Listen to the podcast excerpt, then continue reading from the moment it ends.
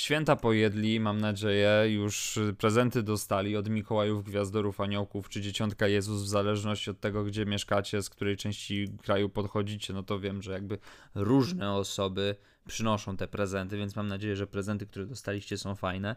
E, no, ja tymczasem, słuchajcie, w międzyczasie to chciałem powiedzieć, że obchodzę taką fajną okazję teraz. To będzie 26 odcinek Bitcoin Radio, e, więc no jakby nie było to pół roku jesteśmy już razem, więc yy, bardzo się cieszę i jest mi z tego powodu bardzo miło. A dodatkowo, to jest też w ogóle ostatni odcinek Bitcoin Radio w tym roku, w 2020. Wiem, no, była ciężka przeprawa, przepraszam, że yy, wiecie, no jakby w 2020 wydarzyło się tyle koszmarnych rzeczy. Mam nadzieję, że Bitcoin Radio jakby nie było jedną z tych koszmarnych, tylko raczej z tych fajniejszych. Staram się tak myśleć o tym. E, natomiast, tak jak mówiłem, no 2020 zbliża się ku końcowi. Mieliśmy tam bardzo dużo różnych, naprawdę absurdalnych rzeczy, które się wydarzyły. Od tego, że wszyscy się obawiali, że zacznie się trzecia wojna światowa przez to, że e, płonęły lasy w Australii, czy po całą wielką sytuację związaną z koronawirusem, która ciągnie się za nami jak smród po gaciach do dzisiaj. E, dla, myślę, miłośników kryptowalut y, przynajmniej jedna miła rzecz się chociaż wydarzyła, mianowicie to, że Bitcoin osiągnął swoje nowe ATH na poziomie ponad 28 tysięcy dolarów. I to wydarzenie miało miejsce, słuchajcie, no właśnie wczoraj, 27 wczoraj, no nagrywam to w poniedziałek jakby, więc wydarzyło się to 27 grudnia. Aktualnie ta cena jest ustanowiona na poziomie 26 800 dolarów około, e, więc Bitcoin, słuchajcie, nieźle, nieźle całkiem, ale to do tego przejdziemy za chwilę. Jedziemy z 26 odcinkiem Bitcoin Radio. Yo! Bitcoin.pl Największy polski serwis poświęcony kryptowalutom i technologii blockchain. Dobrze, już zaspoilowałem, że będzie oczywiście bitcoinowe ATH. No wszyscy są z tego powodu bardzo zadowoleni. Jest to konsekwencja wzrostu o 12% w ciągu ostatniego tygodnia. No Bitcoin myślę, że tutaj udowadnia po raz kolejny, że ta poprzeczka, którą on sobie gdzieś tam stawia, no, potrafi być zawieszona coraz wyżej, coraz wyżej i on tę poprzeczkę tak czy siak jakby przeskoczy i sobie ustawi ją na coraz to wyższym poziomie znowu.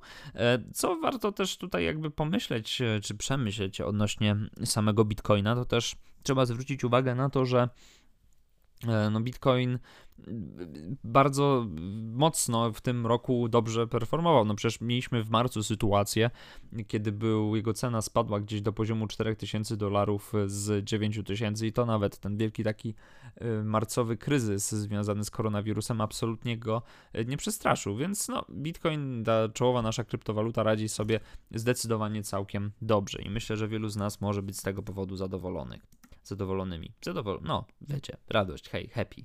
Jeżeli spojrzymy sobie na Ether z kolei, e, w Etherze ostatnio dzieją się bardzo dużo różne ciekawe rzeczy. Ether 13% do góry, jego cena przebiła 700 dolarów, 732 są w momencie, w którym nagrywam ten oto podcast.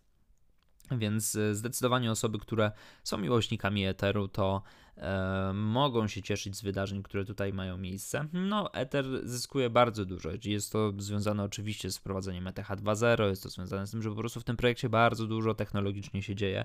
No i ETH po raz kolejny wysuwa się na taką, powiedzmy, czołową pozycję, jeżeli mówimy w ogóle o tym, że należałoby e, dbać o to, że dbać jakby o to, że, żeby projekt technologicznie powiedzmy cały czas miał jakieś swoje kolejne usprawnienia. E, jeżeli chodzi o Ripple, który już nie jest, słuchajcie, na trzecim miejscu, na trzecim miejscu w rankingu kapitalizacji wylądował Tether. E, Ripple aktualnie znajduje się w dość mrocznym miejscu. Jego cena spadła o 50% w ciągu ostatniego tygodnia. Był to spadek no, dość drastyczny, związany oczywiście z tym, że E, oficjele Ripple zostali oskarżeni przez SEC e, z, o jakby prowadzenie no, nie, nie, nieeleganckich, chciałem powiedzieć, nielegalnych praktyk w związku z, e, z, z wchodzeniem na poszczególne rynki. No, to bardzo mocno, ta informacja bardzo mocno spowodowała, że Ripple zleciał. Zleciał, zleciał dość silnie. Był to spadek spektakularny z poziomu 53 centów za, za, za, za jedną sztukę Ripple do poziomu 20, nawet słuchajcie, 6 centów e, w takim najbardziej najgorszym momencie. No teraz ta cena powiedzmy gdzieś tam oscyluje na 27-28 centów, natomiast o 29 nawet w tym momencie.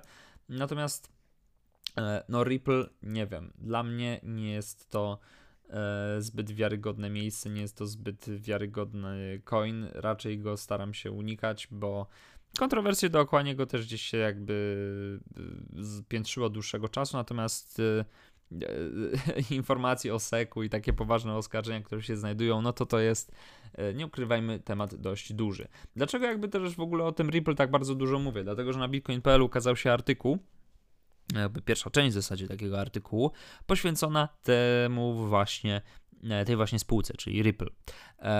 E, historia Ripple e, i jej początki, bo są tutaj opisane, czyli od roku aż 2004, bo musicie sobie zdawać sprawę, że Ripple, no to to jest idea cała Ripple się pojawiła tak naprawdę na długo przed Bitcoinem też. Jest, jest, jest tutaj opisana w kilku różnych etapach. Myślę, że ci z Was, którzy E, wiedzą jakby czym jest y, XRP, ale nie mają bladego pojęcia y, skąd Ripple się w ogóle wzięło, no to jak najbardziej warto się z tym zaznajomić. Takie elementy historii jak Ripple Pay, jak OpenCoin, czy obecność Jeda Kaleba, którego powinniście kojarzyć y, z giełdy Mt. Gox, ze stworzenia giełdy Mt. Gox, powinna gdzieś tutaj coś Wam mniej więcej mówić. Dlatego bardzo serdecznie zachęcam Was do przeczytania tego artykułu na bitcoin.pl i oczywiście czekania na drugą część, która niebawem najprawdopodobniej też się pojawi. E, My natomiast możemy wrócić do tematu Bitcoina. No i to jest otwarcie kącika wróżenia z fusów po raz kolejny. Ale dlaczego chcemy otworzyć kącik wróżenia z fusów tak w ogóle? No przede wszystkim dlatego, że e, Bitcoin wkrótce będzie kosztował 40 tysięcy dolarów. Tak twierdzi Michael van de Poppe, który jest e, analitykiem. E, oczywiście wszystko rozchodzi się o to, że ten opublikował pewien wpis na Twitterze. Tutaj sobie pozwolę go zacytować. Im wyżej idziemy, tym wyżej nastąpi następny impuls. Jeśli 25 tysięcy dolarów to tymczasowy szczyt, następny impuls może doprowadzić bitcoina do 40 tysięcy dolarów. No i e, oczywiście e, załączone jest odpowiednie zdjęcie, odpowiedni screenshot z odpowiednimi wykresami, z narysowanymi strzałkami. No, e, mam nadzieję, że pan Michael van de Poppen no tutaj wie co mówi, a jeśli nie wie co mówi, no to wyjdzie, wyjdzie w praniu. No już Bitcoin bardzo często pokazywał, że wszyscy analitycy którzy wróżą z fusów, no jakby bardzo często mają tę przypadłość, że się po prostu najzwyczajniej w świecie mylą. E, powiedzieliśmy 40 tysięcy dolarów, w sensie pan Michael van de Poppe tak powiedział, co jest e, no powiedzmy jakimś takim w miarę racjonalnym założeniem, I guess, chyba. Tak mi się wydaje. Natomiast bardzo też istotną rzecz powiedział, mianowicie, że ruchy w pionie często kończą się szybką korektą.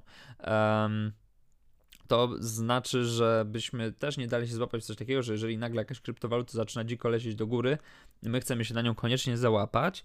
E, wiem, to są takie jakby, wiesz, wiecie, inwestycje one on one, ale jeżeli pojawia się wysoka taka ściana do góry, która idzie i winduje ceny, no to bardzo możliwe, że również szybko po tej ścianie pojawi się pewnego rodzaju korekta ceny, więc tutaj taka, taki mały apelik, żeby się nie dać oczywiście złapać w te wszystkie sygnały. Wracamy do ETH. Dzisiaj będzie dużo takiego, wiecie, skakania od kryptowaluty do kryptowaluty i tak pewnie wydarzy się jeszcze z parę razy. E, kapitalizacja ETH wyprzedza Spotify, e, Baidu, Ferrari i BMW. Ja nie jestem jakimś wielkim fanem porównywania sobie kapitalizacji jakiejś kryptowaluty do spółek giełdowych, mam wrażenie, że to jest taka amerykańska przypadłość bardzo mocno, że wiecie, nie jesteś w stanie sobie wyobrazić, jak duży jest, nie wiem, jak duży jest lotniskowiec. No to lotniskowiec jest wielkości. Nie, przepraszam, to nie lotniskowiec. Ile to jest jeden kilometr? Jeden kilometr to jest tak, jakbyś trzy boiska piłkarskie ustawił sobie. No, więc to jest chyba, mam wrażenie, ten sam amerykański kompleks. Nie wiesz, ile warta, warta jest kapitalizacja ETH? Nie wiesz? No to ja ci powiem, to jest tyle, ile kapitalizacja Spotify. O, na pewno teraz jest dużo łatwiej, dużo prościej to zrozumieć.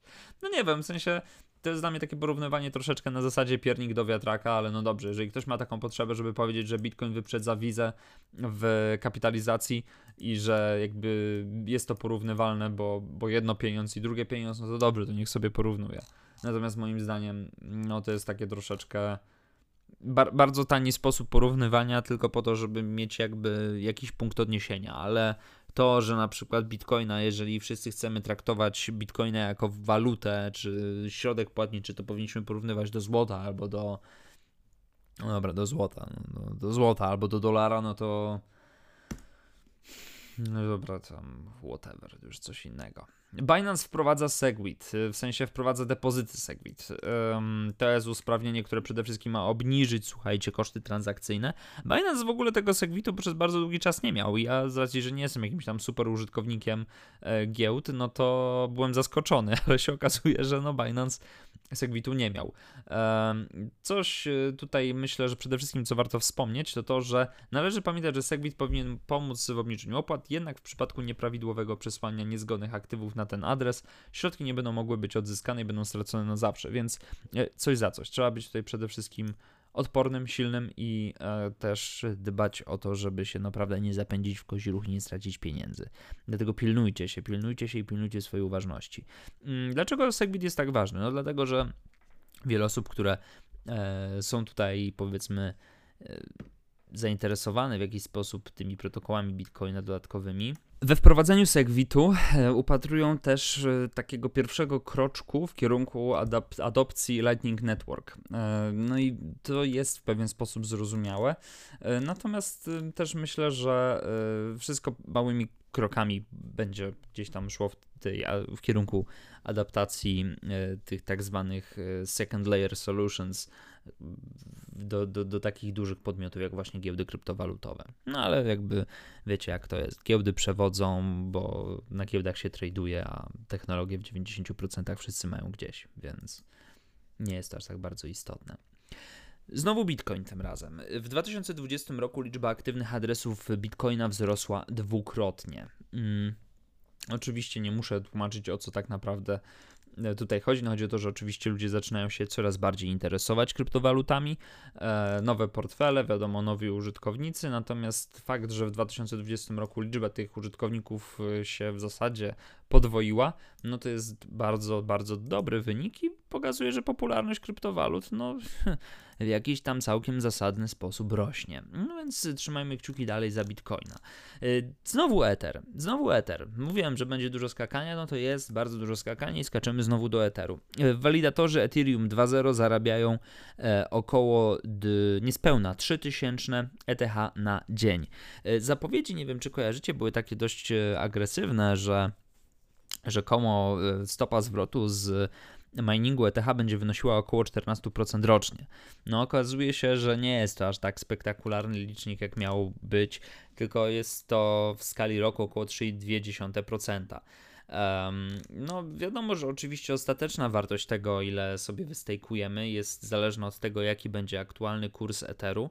Natomiast, y, no Ci, którzy chcieli spektakularnie stejkować Ether, no mogą mieć pewnego rodzaju tutaj yy, że tak powiem, bo się okazuje, że nie jest to aż tak spektakularny, spektakularna yy, kwota. Natomiast yy, pamiętajmy, że to jest system, który cały czas będzie musiał jeszcze gdzieś być wdrożony e, i no, tak naprawdę jest dopiero w momencie, w którym będzie można wypłacać te środki ze stakingu ETH będziemy mogli się przekonać faktycznie, ile można na tym tak naprawdę zarobić.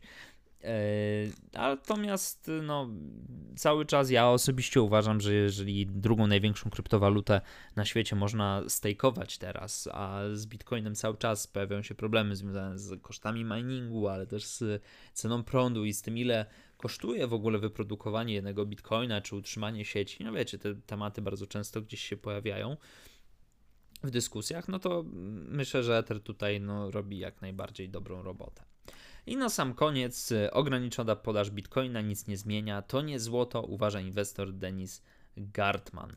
Um, no właśnie, to jest y, kolejna, myślę, kontrowersyjna opinia, znaczy kontrowersyjna, no myślę, że wiele osób się po prostu z nią nie zgadza.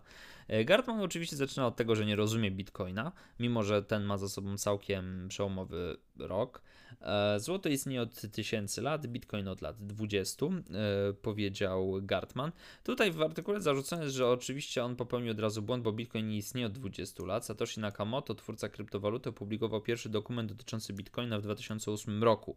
E, to jest prawda, natomiast trzeba pamiętać, że same takie koncepcje związane z bitcoinem oraz to, czym on mógłby być, no to pojawiały się też wcześniej, więc jeżeli mielibyśmy rozszerzać tę taką interpretację stricte ideologiczną, e, która gdzieś tam jakieś ma początki bitcoinowe, czy dały zalążek bitcoinowi, e, no to mm, można by się zgodzić wtedy z Gartmanem. Natomiast no, nie ukrywajmy, że oczywiście ta jego opinia, że bitcoin istnieje od 20 lat, podejrzewam, że jest potknięciem zdecydowanie.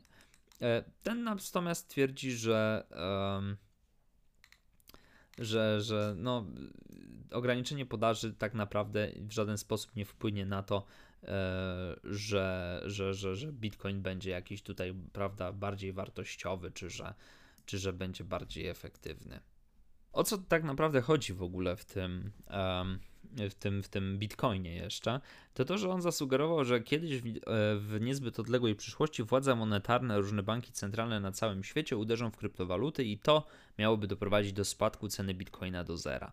E, no, jakby z jednej strony można by, prawda, pana Gartmana wyśmiać, a z drugiej strony trzeba mu przyznać rację, że e, faktycznie Pamiętajmy o to, że gdyby faktycznie w Bitcoinie chodziło o jakąś niesamowitą rewolucję wynikającą z tego, że e, no nie wiem, zupełnie nowy etap w dziejach rozwoju pieniądza to jest i że ludzie podchodzą stricte ideowo do tego projektu, no to może bym się z nim nie zgodził, ale tu chodzi tylko o hajs i o zarabianie. Więc jeżeli nagle powiedzmy Bitcoin zostałby przysłowiowo zdelegalizowany, to wróciłby do wielkiego, wiecie, podziemia, w którym na pewno nie byłby już, nie byłby już aż tak bardzo popularny, jak popularny jest teraz.